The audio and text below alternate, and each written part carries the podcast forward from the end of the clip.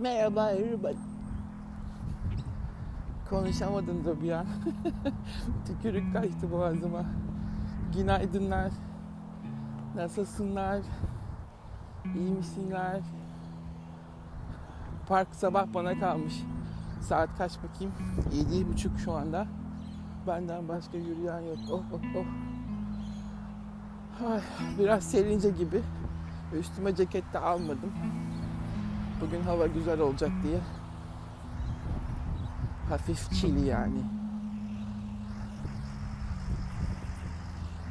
Dün geçen gün bir paylaşım yapmıştım yine ki ben bunu hep bahsediyorum aslında. Ama hep yeni görenler çıkıyor. Anlamadım ki her şeyi tekrar etmekten de ben sıkıldım galiba. Peynir ve süt ürünleri konusunda anlaşamıyoruz birçoğunuzla. Çünkü hepiniz kendinizi çocuk sanıyorsunuz. Genç sanıyorsunuz hala. Şimdi hep benim söylediğim bir şey var aralarda. Her yaşın kendi beslenmesi var arkadaşlar.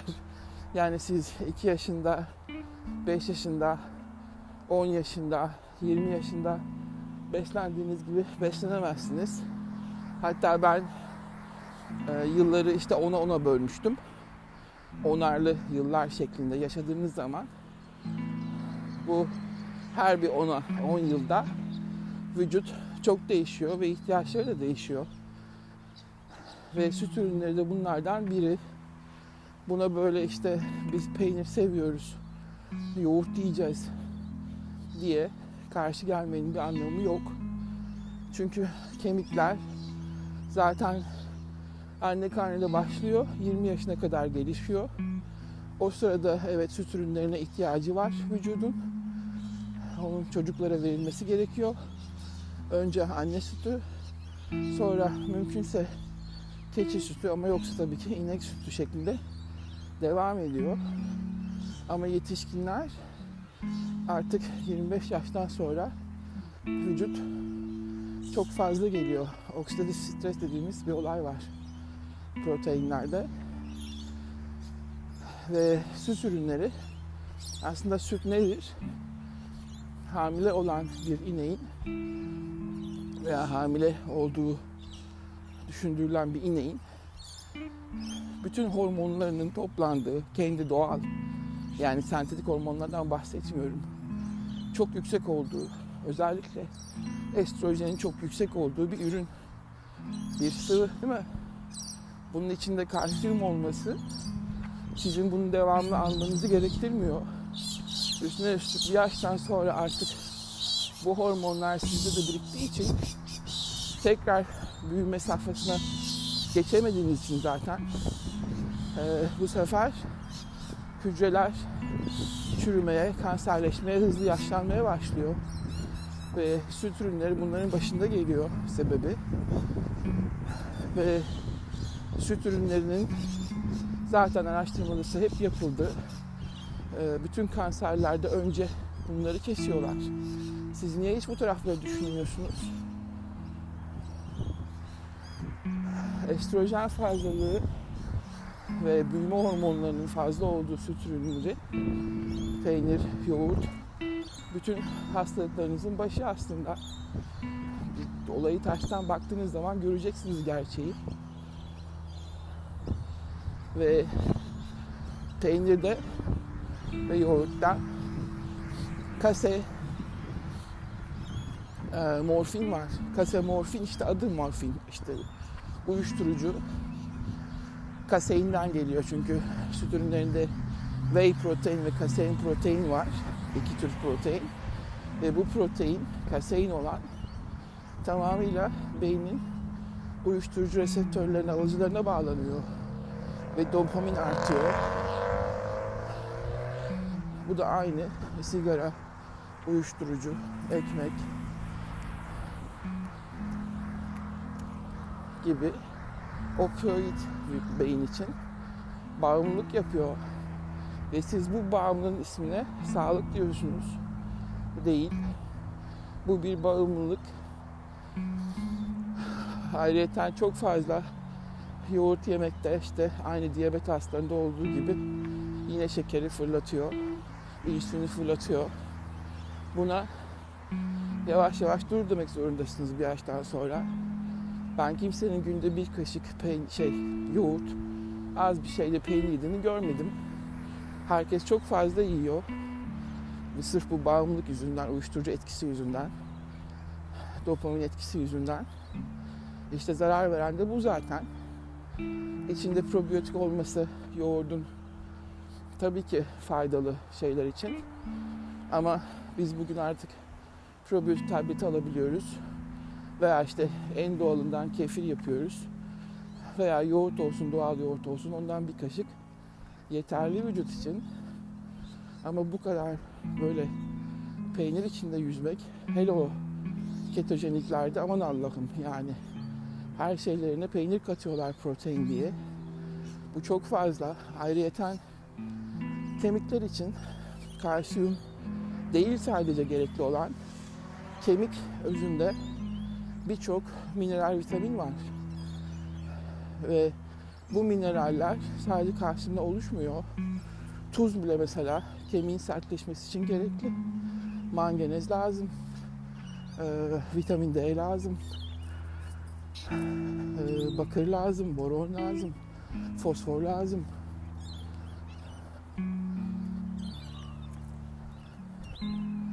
Ve biz bunları çeşitli renkli sebzeler yiyerek alıyoruz. Çok devam ederseniz işte anlattım tavuğun ki kabuğundan eziyoruz yumurtanın. Tavuğun kabuğu neyse Bengü. Onlardan alıyoruz. Susam dedim. Onda çok var. Keten tohumunda var. Birçok şeyde aslında vücut kalsiyum eksikliği yaşamıyor. Ve siz hep peynir yoğurda düştükçe üstüne üstlük daha çok kelime, kemik erimesine yol açıyorsunuz.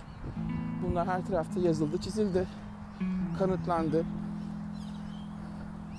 O yüzden süt ürünlerinden bir şekilde kurtulmanız lazım.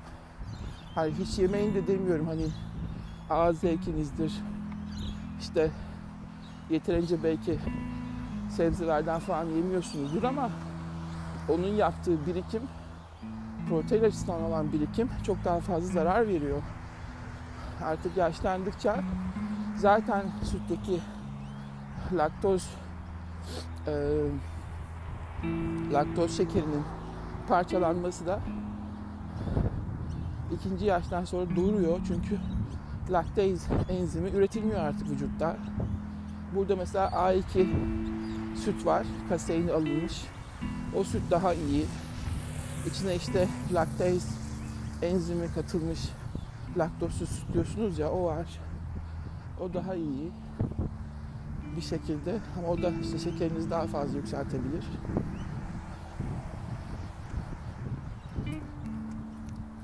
Bu bizim alışkanlığımızdır, kültürümüzdür deyip e, bunun içine dalmak çok fazla yan etkileri var. Bunları hiç düşünmüyorsunuz. Peynir kafası.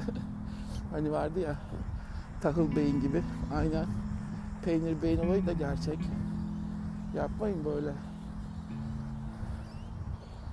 Vücudun artık temizlenmesi gerekiyor bir yaştan sonra ve siz bunları atık olarak verdikçe sanki gençmişsiniz gibi, çocukmuşsunuz gibi devam edemezsiniz.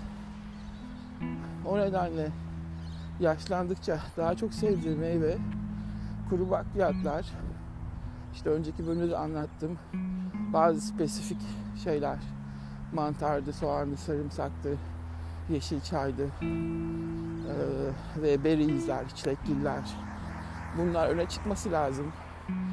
Haftada bir iki kırmızı et yemeniz, bir iki balık yemeniz okey. Ama hiçbirini arttıramazsınız. Bir yaştan sonra artık bunlara dur demeniz lazım. Valla bakıyorum insanlar sanki 20'sindeymiş gibi hala o alışkanlıklarına devam ediyorlar. Siz sanıyorsunuz ki ayçiçek yağını attım. Atık yağları. Tamam. İşte ekmeği çıkardım. Tamam. İşte tatlı yemiyorum. Tamam. Ama Bu sefer bunlara düşüyorsunuz. Bu sefer proteini, kırmızı eti, süt yoğurdu arttırıyorsunuz, peyniri arttırıyorsunuz. Yanlış. Aynı ayçiçekte olduğu gibi yıkım yapıyor vücutta. Ve bunların bütün araştırmaları var. Kalp damar üzerindeki etkileri var. Kanser üzerindeki etkileri var. Bunları görmezden gelemezsiniz yani. Bir de tutmuş Twitter'da bana sen yanlış bilgi veriyorsun. E sen hep yanlış bilgilerle büyümüşsün. Başka hiçbir yere okumamışsın, bakmamışsın. Beni eleştiremezsin yani ben bunları okuyorum, görüyorum diye. Söylüyorum diye.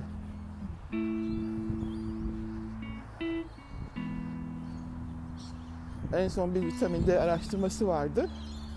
Herkes de düşük. Herkes 20'lerde geziyor. Ve çan eğrisi gibi düşük olmak da öldürüyor. Çok yüksek olmak da öldürüyor. Vitamin D'de. En iyi aralığınız sizin 70 100 onun üzerine çıkmayacaksınız vitamin D'de. Ve onsuz da kalsiyum olmuyor. Kalsiyum açığı ortaya çıkıyor vücutta. Kemiklerden çekiliyor kalsiyum yetersizse. Bu sefer K2 kullanmanız lazım. E, yumurtadan aldığınız K2 ne ki yani? Takviye gerekiyor vitamin D'yi yükseltirken. Bunlara hep bakmak gerekiyor. Bir tane çocuk vardı Kanadalı. YouTuber işte. Vücut yapıyor bilmem ne. Ya çocuk habire yumurta yiyor. İki tane tam yumurta sarısıyla beraber 5-6 tane de yumurtanın beyazını. Dedim sen ne yapıyorsun? Dedim nasıl yumurtanın içine düşersin bu kadar her gün her gün? Yumurtada her şey böyle serbest değil ki. Mesela yumurtanın e, sarısında iot var. Ve iyotun çok fazla alınması da tiroidleri öldürüyor. Yani hipertiroide yol açıyor. Ee, sonra yumurtanın beyazında avidin maddesi var. Avidin maddesi biyotini engelliyor B7 vücutta ve bu sefer biyotin yetersizliği başlıyor. E, B vitaminleri bütün bütün işlevsel yaşamsal şeylerin başı. Onlardan biri eksik olunca vücut dönmüyor. En başta biyotinde cilt, e, tırnaklar ve saç etkilenir. Yaralar çıkar. Ağız kenarları çatlar.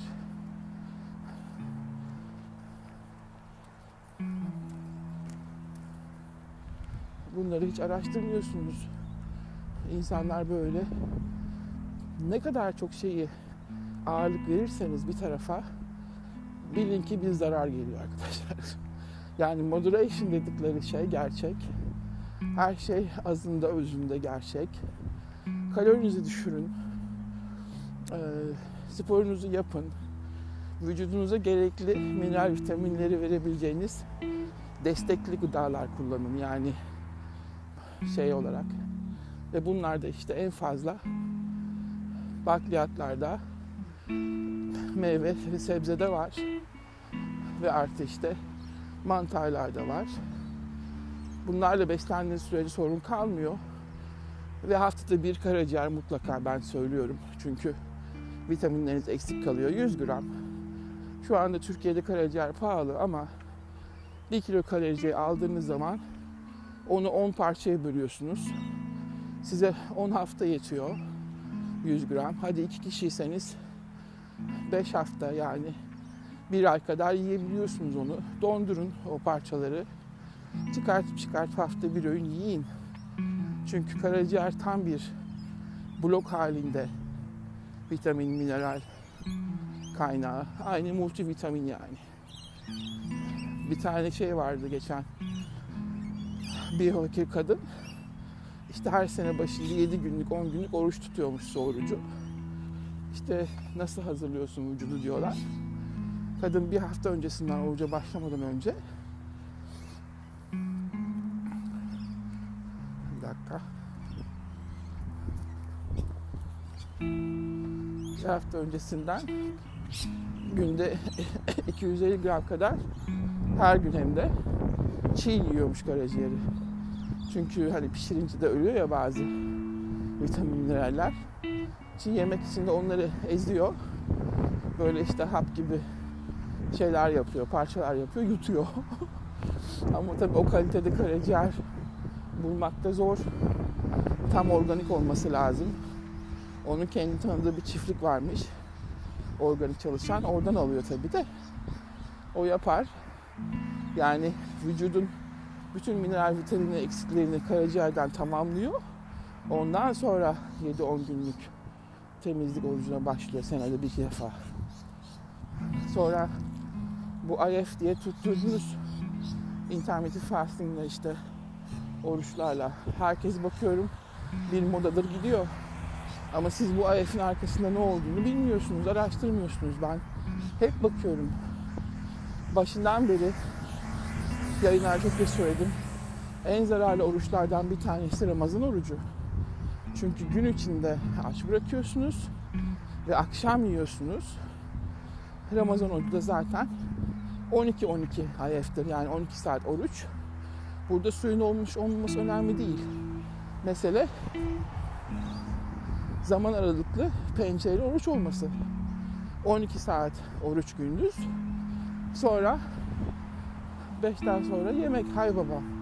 İşte şimdiki IF'ler tam da Ramazan oruçları gibi yapıyorlar. Aynı şekilde aynı model. Hiçbir farkı yok. Gündüz enerji vermiyorlar vücuda ve akşam yiyorlar. Akşam dedim işte 5'te açıyor penceresini mesela veya 4'te neyse 8'e kadar yiyor. Tamamıyla Ramazan olucu kafası.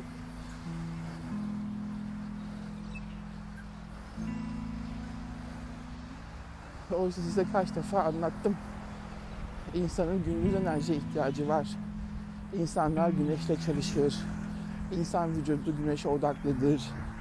Gündüz sabah güneş doğduğu zamandan sonra ilk aldığınız lokmayla vücut çalışmaya başlar.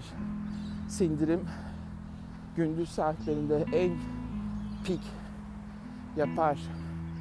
Akşam olmaya başladıkça insülin doğal olarak yükselir. Çünkü kortizolun bastırılması gerekiyor biliyorsunuz. Ve bağırsaklar dair bütün sindirim organları dinlenmeye geçer. Gece hiç kimsenin bir kaloriye, bir enerjiye ihtiyacı yok. Belki çok az yatmadan önce bir iki madem yarım meyve falan olur beyin için uyurken. O sorun değil ama yemek işini tamamıyla ters yapıyorsunuz. Ve bu ayef oruçları tamamıyla sizi kötü yola itiyor. Ve Ramazan oruçları hakkında bir araştırma yapmışlar.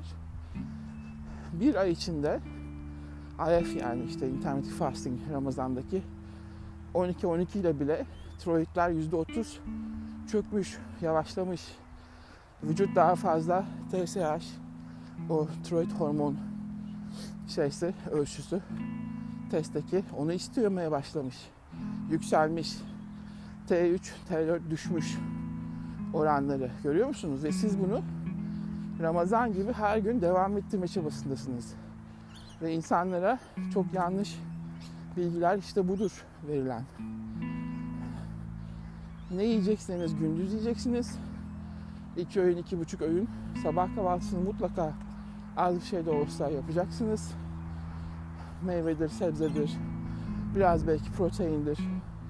Bunları kahvaltıyla güne başlayacaksınız, enerjinizi alacaksınız. Ana öğününüz öğlen yemeği olacak. 12-1-2 neyse. Ondan sonra da çok az bir öğünle kapanış yapacaksınız. Akşam 4-5 gibi hava kararmadan önce. Yazın 7-8'de kapı kararıyor hava ama vücut için öyle değil. O saatler beyinde belli zaten. Akşam saatleri. İşte canım Norveç'tekiler nasıl yaşıyor o zaman demeyin bana. Onlar da zaten aynı saatlerde yaşıyorlar. Yine işini gücünü adam bizim normal gündüz olduğumuz saatlerde yapıyor. Yani güneşin saatleri vücutta kazılmış durumda. Buna karşı gelemezsiniz. Intermittent fasting'e böyle e, her gün her gün vücuda o stresi sokamazsınız. Tiroidlerinizi bozarsanız, hipotiroidi düşürürseniz, düşük tiroid, zaten bir süre sonra bütün her şeyiniz bozulacak sistemde. Kilo da veremeyeceksiniz zaten. İlk 2-3 ay böyle kilo verdim. Ay ne güzel. Ben IF'le devam edeyim. Yok böyle bir şey. Bütün hastalıklar böyle bir gecede ortaya çıkmıyor arkadaşlar.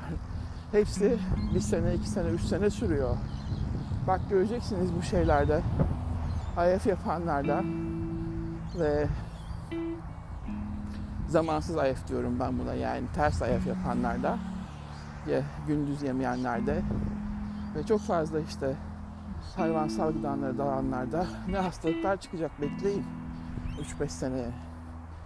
Ama bunları siz daha görmediğiniz için pratik olarak sanıyorsunuz ki sağlıklı değil. Her şeyi tersten yapıyorsunuz, her şeyi moda diye yapıyorsunuz. Ekmeği bırakmanız bütün tahılları bırakmanız anlamına gelmiyor. Tahılların mesela en faydalısından o yulaf yemeniz gerekiyor. Ee, ekmeği bırakmanız bütün karbonhidratları bırakmanız anlamına gelmiyor. Bunun tatlı patatesi var. İcabında normal patatesi var. Çok faydalı işte e, pancar var, şey var, havuçlar var. Bunların hepsine şeker diye bakamazsınız karbonhidrat şekeri diye. Sonra gluten hastalığı diye bir şey. Eğer siz çölyak değilseniz yok. Bütün hepsi sizi kandırıyorlar. Glutenden çok aslında ekmeğin içindeki mayanın insanları rahatsız ettiğini keşfetmişler. Haydi buyurun buradan yakın. Herkes gluten dedi ama değil. Belki de o mayadan histaminden geliyor yani zararı. Histamin şeysi var, diyeti var. Onu inceleyin. Turşu bile yiyemezsiniz yani. Sonra mesela o peynir ve yoğurtlarda bir şey daha çok kolay mukus yapıyor. Vücutta enflamasyonu çok hızlı arttırıyor. Bunu herkes biliyor. Astımlara kesinlikle yasak. Sinüs olanların kesinlikle yasak. Mesela sadece süt ürünlerini kesen bir sinüzit hastası bir de Hindistan cevizi yağı yemiş. Sinüzit falan kalmamış. Çünkü Hindistan cevizi yağı antibakteriyel ya yağı. Onu da öldürüyor. Aferin hepsini yapmış. Ama Hindistan cevizi yağını da her gün yiyemezsiniz. İşte ben görüyorum kahveme katıyorum içiyorum. Bak üstünde yazıyor antibakteriyel. Vücuttaki bütün bakterileri öldürüyor. Sadece zararlarını değil. Çok spesifik kullanmanız lazım bunları. Hasta olunca kullanın. Böyle işte sinüzitte kullanın. H. pylori gibi mide rahatsızlıkları işte mide bakterisi, helikobakteri de kullanın. Ee, enfeksiyonlarda kullanın. Ama her gün her gün Hindistan cevizi yerseniz al sana başına belayı. İşte bunları anlatamıyorum ben. Bir şey size iyi geldi diye sürekli devam edemezsiniz. Benim astım arkadaşım vardı. Görüşmüyorum artık çünkü hiçbir dediğimi kadın siklemiyor yani. O ben peynirsiz yapamam diyor kadın. Ya diyorum yapma etme sana en kötü şey bu. Peynir, yoğurt. Yapamam diyor. Gitti attı. Öyle sürünmeye razı yani. Burunda zaten deviyasyon da var. E, polipler var. Sinüzitler de tıkalı. Nefes alamıyor kadın. Hala peynir yoğurt diyeceğim diye uğraşıyor. Niye böyle eziyet ediyorsunuz kendinize bir peynir yoğurt için? Niye böyle savaşıyorsunuz vücudunuzla? İstemiyor. Artık siz çocuk değilsiniz. Niye kendinizi IF'lerle stresi sokuyorsunuz vücudu gündüz? Sağlıklı olacağım diye. Her stres kortizolu arttırıyor, insülini yükseltiyor. Hem de olmayacak zamanda. Bir de üstüne üstlük akşam saatlerinde yiyorsunuz. Yok günde bir öğünmüş bilmem neymiş işte saatim gelmemiş diye tam tersini yapıyorsunuz. O insülin iyice fırlıyor. İstersen salataya fark etmez. Ondan sonra da ben insülinle savaşır diyorsunuz. Yanlış yapıyorsunuz.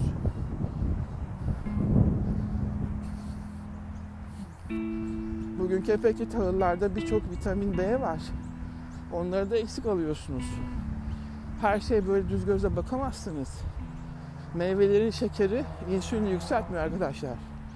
Meyvenin şekeri zaten meyvede bir paket halinde geliyor liflerle beraber. Meyveleri atamazsınız şeker diye. Bunlar çok zararlı şeyler. Sadece meyve yiyerek yaşayanlar var. Frutaryenler. Ben size bunu anlattım.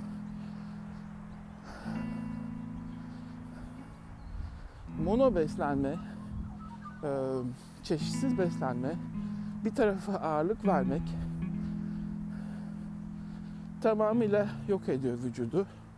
Biz çok fazla yiyeceğimiz olduğumuz için çevremizde bugün her şeyi yemeye çalışıyoruz evet. Ama bütün bir grubu çıkartıp da diğer bir grubu yüklenmek kadar zararlı bir şey yok. Bunları dağıtmak zorundasınız ve az az yiyeceksiniz yani her şeyden. Vücut ona razı. O bulduğunu idare ediyor zaten. Paket gıdaları yemeyin. Fast food'u yemeyin. Çok nadir böyle hani canınız çektiği zaman 80-20 diyorum ya ben size hep. %80 bu doğallarla beslenin. Gündüz de insan gibi vücudunuzu gündüz besleyin. Çünkü biz fare değiliz, yarasa değiliz. Onların metabolizması gece çalışıyor. Fareler ve yarasalar gece yer, gündüz yemez. Biz gündüz uyumuyoruz. Onlar ge- onlar da gündüz uyuyorlar. Biz gece uyuyoruz. Normalde hepimizin eğer bu ekranlar ve teknoloji olmasaydı akşam saat 6'da 7'de yatakta olmamız gerekiyordu insan doğası olarak. Siz hangi birini yapıyorsunuz da sağlıklıyım diyorsunuz Allah aşkına? Ve bu IF'ler ve ketocular iyicene işin soyunu çıkarttı. Yapmayın arkadaşlar ya. İnsanları öldürüyorsunuz. Her bir diyet, bir de buna çok kızıyorum. Diyetler işe yaramıyor. Hayır kardeşim, her bir diyet işe yarıyor. Siz o diyeti 3 ay yapmadığınız için işe yaramıyor. Çünkü hepiniz bir diyete başlayıp, ben kendimden de biliyorum, bir hafta sonra, iki hafta sonra saldırıya geçiyorsunuz. Her diyeti 3 ay yap, bak nasıl yarıyor. Bu da büyük bir kandırmacadır. İşte ketoların kullandığı diyetler işe yaramıyor. Değil efendim, yarıyor. İnsanlar sıkmıyorlar götlerini ondan yaramıyor 3 ay boyunca. 3 ay boyunca bağlı kalın bir şeye bak. Hangi diyet olursa olsun yazıyorum buraya kilo verirsiniz.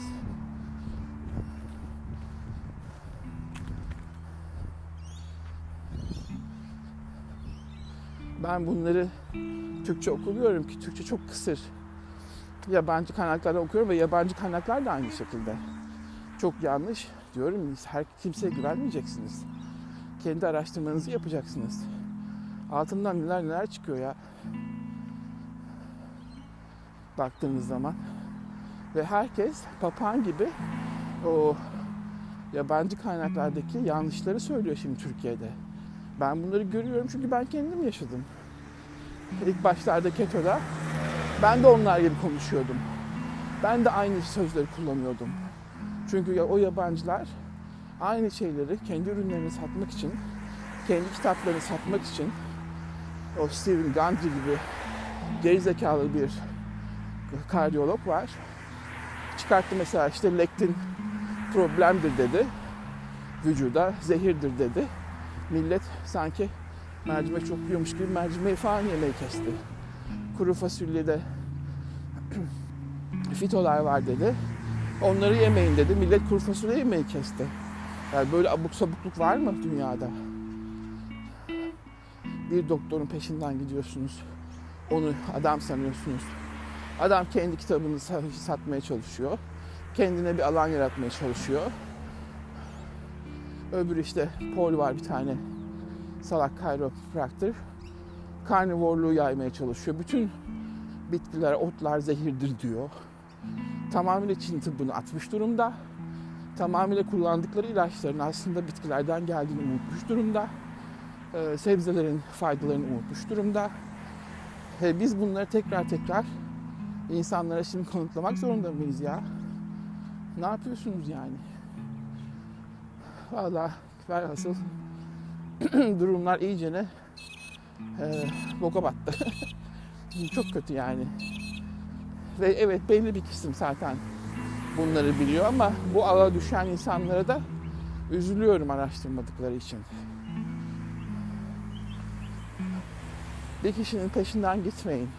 10 kişinin peşinden de gitmeyin. Onlar ne söylüyorsa mutlaka altından bir şey çıkar diye araştırın.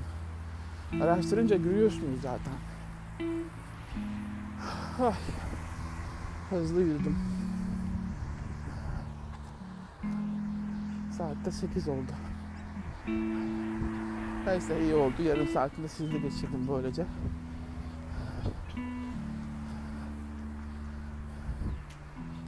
Bu arada Türkiye iyice karışmış. Görüyorum onları. Boğaziçi'ni sabah seyrettim. Yazık bu insanlara yaptıkları eziyetler ya. Çok yazık yani.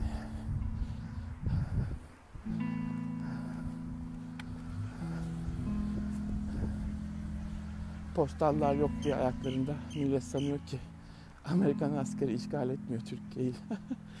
Çok gülüyorum vallahi billahi. Hepsi Amerikan askeri.